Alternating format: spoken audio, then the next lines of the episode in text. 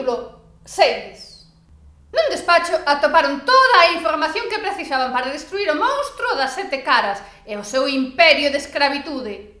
Heldes, o escravo amigo de Spistrin, que pillou a Windows Quispe lavando a súa loira melena pantempor porque yo lo valgo, apuraba. Pero Windows Quispe, a lideresa do grupo supostamente feminista radical do conflicto aquel do Garito antro do amigo de Clio Timofónica, co que acabara entendéndose moi ben, xa me entendedes. Sabía que as cousas feitas con xeito acababan saindo mellor que as feitas ás presas. O malo é que Heldes tiña razón en que, se non apuraban, pillabas o tren. Escoitáronse pasos, firmes e mecánicos. Pararon o carón da porta, un silencio. Windows Mira Heldes, poñendo firme para que o pánico non lle fixese delatalas. Pasos que se alonxan.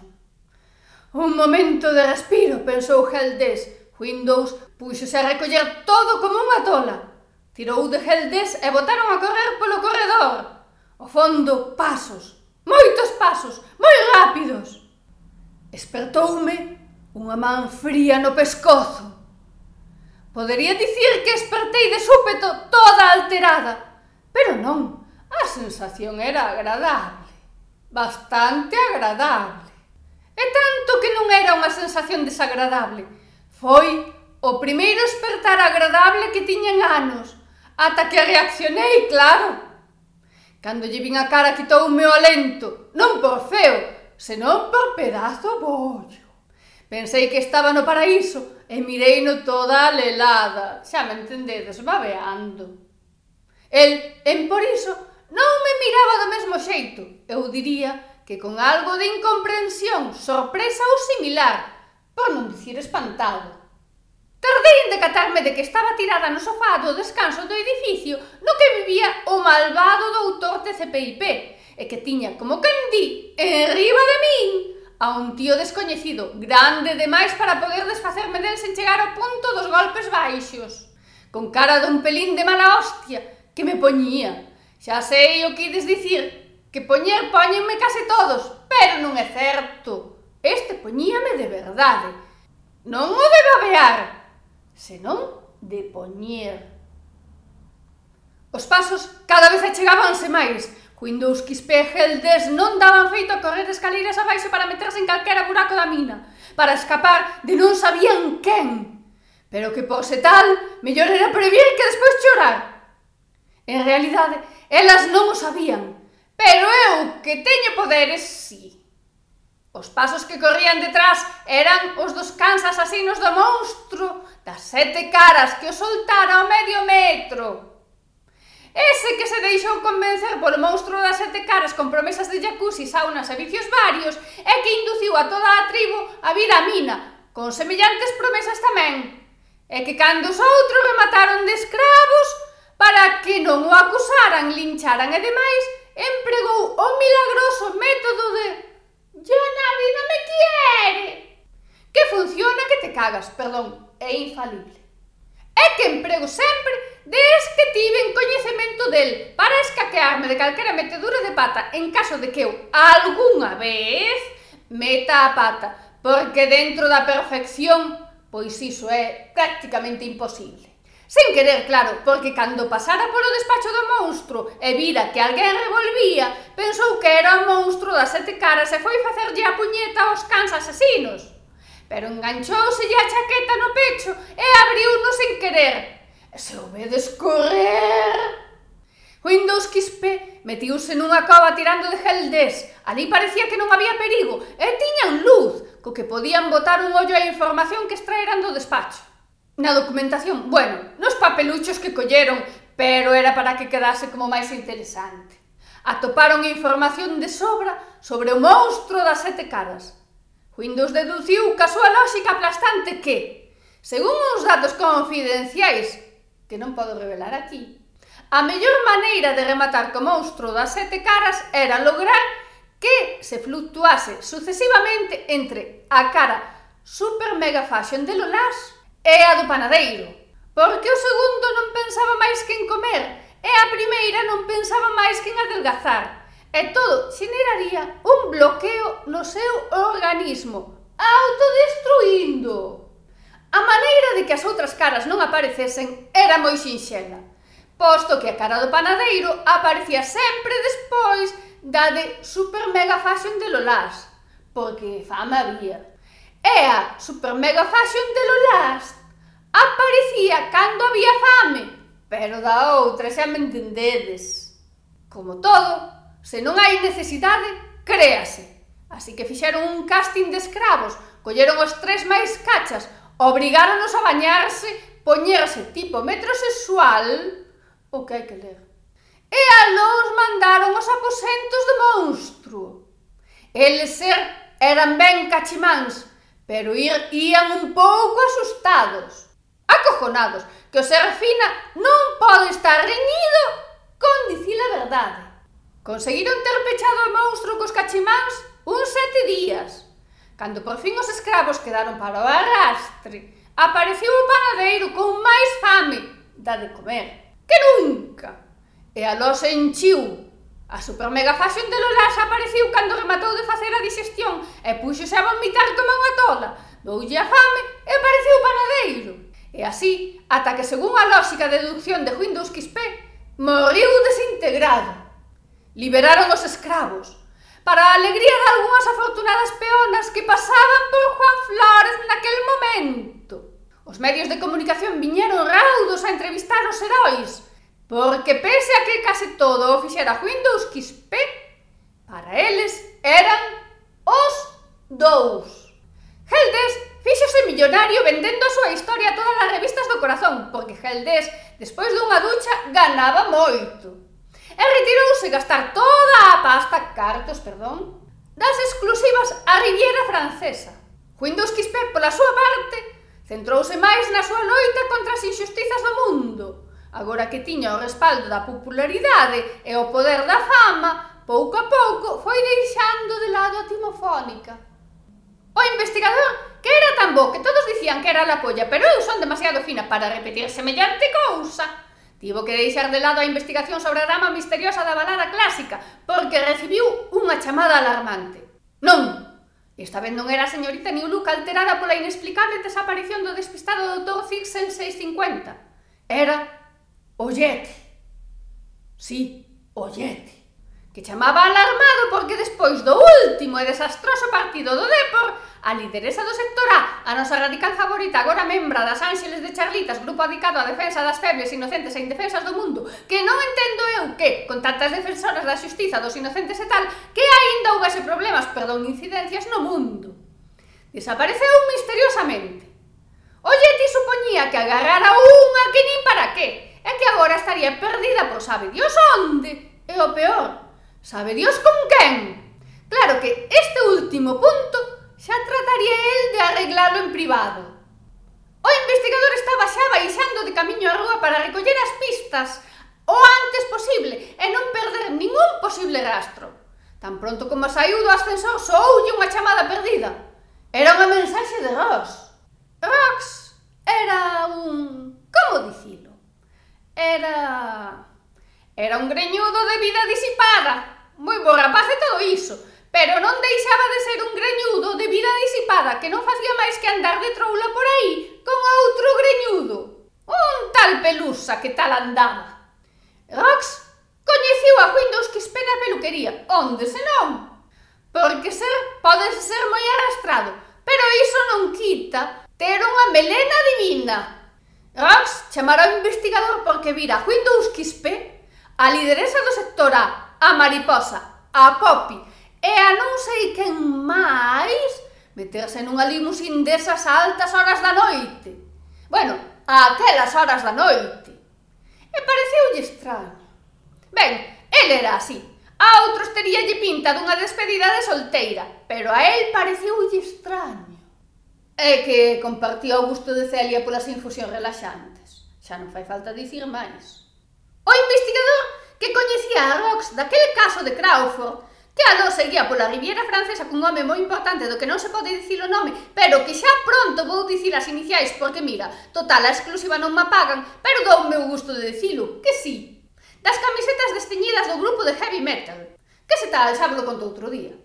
Non lle daba demasiada importancia ás súas informacións porque é que xa o coñecía, Ademais non lle gustaba moito porque fixera moi boas migas con Celia e distraía do seu traballo. Si, era posible distraela máis.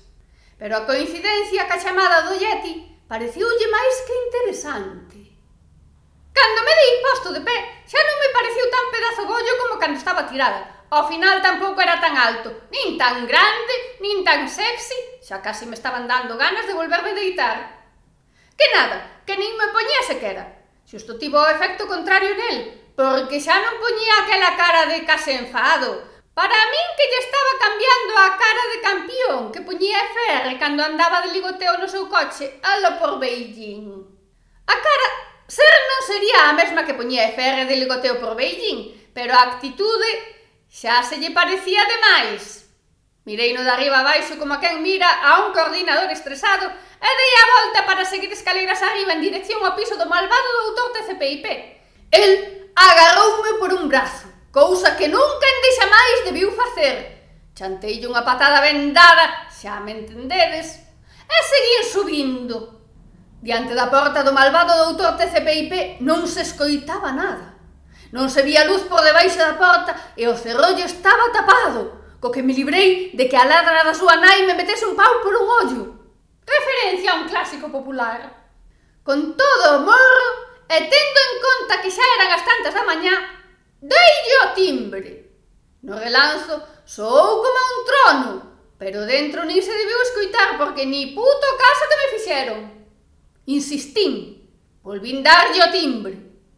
Volviu soar como un trono, volveron a nin puto caso facerme. E volvín darlle o timbre, volviu soar como un trono, e de súpeto algo que me agarra polo pescozo impedíndome case respirar. A outra que vira Rox era a señorita Newlook. Sí, tal como o ledes. Imagino porque alguén tiña que poñelo toque de clase naquel grupo de escándalo. Porque imos ver. As ángeles de Charlitas eran tres loitadoras en prol dos inocentes estupendas, pero a lideresa do sector A que compartía a afición co Yeti polo Whisky on Drugs. Mariposa nosa Happy Flower que entre os campeonatos de Flying Cups e os de Little Flying Cups non daba feito. Poppy, que tamén lle daba ben as Little Flying Cups. E Windows XP, que tamén loitaba moito pola xustiza e a liberdade, pero cando se poñía... Bueno, que polas tantas Xa podía ser a cousa de desastre total. Como se coñeceran cando da miña desaparición no despacho de naquel tempo mariposa, que xa sabemos que non era dela. Tampouco meu para que imos enganarnos era de Crawford. Que como soubo o investigador que a que non se sabía quen era era a señorita Siganiuluk? Pois moi fácil. Por primeira vez na historia de Crawford Investigations, fora o despistado doutor Fixel 650 Quendera a voz de alarma. Que tampouco é que estivera moi alarmado, bueno, sí, que estaba moi alarmado, pero o seu estilo, como el era tan tranquilo. E sabía das indispensables saídas nocturnas de siga, reitero que saía por necesidade, non por vicio, máis que mal pensadas, Pois o primeiro pensou que se retrasara un pouco, porque aínda que ademais de estilosa era máis puntual que o horario Greenwich, sempre podía haber unha primeira vez. Xa cando pasaron cinco minutos, viu que aquilo non era normal e decidiu chamar o único número que había na axenda de Siga anotado como emerxencias. E que a pobre tiña que estar preparada co especime que tiña na casa O investigador chegou ao ático onde vivían o despistado doutor Zixel 650 e a estilosa señorita Niulu. Bueno, aquilo era para perder o gusto todo acristalado, o carón das estrelas, con todo impecable, cada cousa no seu sitio. Menos no despacho do despistado do doutor Cixel 650, que non había quen entrase. Todo cheo de papéis por todas partes, no millón dos casos, porque tiña a mesma manía que os magos de Terry Pratchett de empregar lonchas de bacon como separadores. Aquilo era unha guarrería. Pero os homens xa se sabe. Estiveron falando un bo anaco antes de meterse en materia porque os comezaron falando de que era tarde, despois comentaron o partido de fútbol, despois de non sei que xa sei que era moi bonito, e así ata que por fin se puxeron a falar do que realmente nos interesa a nós. Según o despistado doutor Zixel 650, a señorita New Look fora dormir aquela noite como sempre. Era de supoñer que pasada a medianoite se erguese para as súas escapadas nocturnas, como sempre. Que el soubese non quedara con ninguén, nin tiña previsto ir a ningunha festa vampira nin nada. De feito, no roupeiro non faltaba ningún dos elegantes traxes que Siga levaba sempre ás festas. Nin lle sacara as etiquetas os que acababa de mercar na tenda de Venecia, aquela ricachona vida a menos que tiña unha tenda de disfraces de alto nivel. Todo aquilo levou ao noso investigador ao punto onde lle dixera a Rox que vira as nosas intrépidas heroínas meterse na limusina. Aparentemente non había sinais de loita, xa dixera Rox que entraran moi animadas. Fixo varias preguntas aos matóns, enténdase vixiantes dos garitos a antros da zona. E entre os 15 entrevistados conseguiu reconstruir a matrícula da limusina. Tanto músculo, tanto músculo. Era xa moi tarde. Volviu para a súa casa a dormir algo antes de volver ao despacho, porque iso sí, algo aínda que fose pouco, había que dormir. Pero o máis importante era o da ducha, a colonia e o traxe de marca, que para iso era o investigador. O brazo que me afogaba seguía apertando, a nai que o pariu.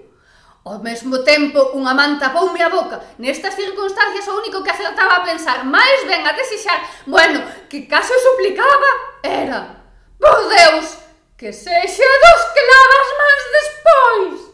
Porque era o mesmo que topara nas escaleiras, podía lle ver os pinchos do pelo.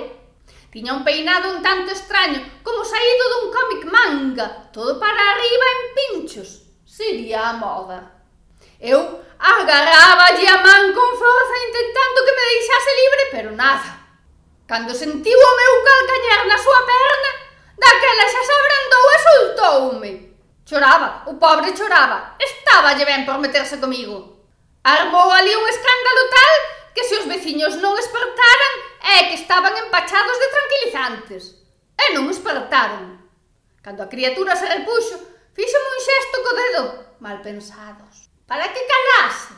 Ainda tiña morro o tío, despois da que montou el co seu drama. Eu tan boiña, non dixen nin pío. Daquela el sacou a carteira e ensinou unha tarxeta. A tarxeta era unha especie de carné do Centro Superior de Investigacións, que o tío me ensinou con todo o orgullo do mundo. A min, a verdade é que me deixou indiferente, porque, a ver, aquilo ben podía ser calquera cousa. Eu que sabía, nunca antes vira un carné do Centro Superior de Investigacións. E no suposto de que fose certo, e de que o tío fose do Centro Superior de Investigacións, podía el acabar ca fame no mundo. Sabía el onde estaba o fin do arco da vella. Podía el descubrir as vacinas para as enfermidades do mundo. Non, Pois daquela, tanta cousa, tan pouco era. Eu ia pasar del e volver a tocar o timbre, pero desta vez sacou unha pistola da chaqueta e apuntoume. Pero imos ver. Que a min tanto me dá que se tiña que volver a pegarlle unha patada vendada que eu facía sen máis. A min con pistoliñas. a ver, que nin me mutaba, o tío desesperouse, guardou a pistola e comezou a suplicar. Mal feito, porque a min me doa a risa, home por dios. Comprendo que estou estupenda, pero hai que saber mantelo tipo. A limusina era dunha compañía de coches de aluguer de coches de moito requinte, caros, que casualmente rexentaba Spistrin, o carceleiro aquel do conflicto liberación da mina de Juan Flores que resolviu Windows XP, pero que tivera que compartir méritos con Geldes. O investigador erguiuse con moita enerxía e moi animado, posto que lle chamaba moito a atención o caso da misteriosa desaparición das nosas heroínas, polo feito do misterio en sí. Pero no fondo, no fondo, ou bueno, igual non tan no fondo, como andaba polo medio despistado do autor Zixel 650 e a estilosa señorita New Look por unha xinxela regla de tres, igual volvía Catwoman. Ou a rubia aquela do paso peonil que tampouco estaba mal. É que a estas alturas da banda sonora xa case lle viña dando igual. Erguiuse, duchouse, puxo a súa colonia de marca o traxe de diseñador famoso que non digo o nome porque non me pagan a publicidade e como tampouco teño maior interese nin é fundamental para o desenvolvemento da historia pois non o digo xa e saiu cara ao seu despacho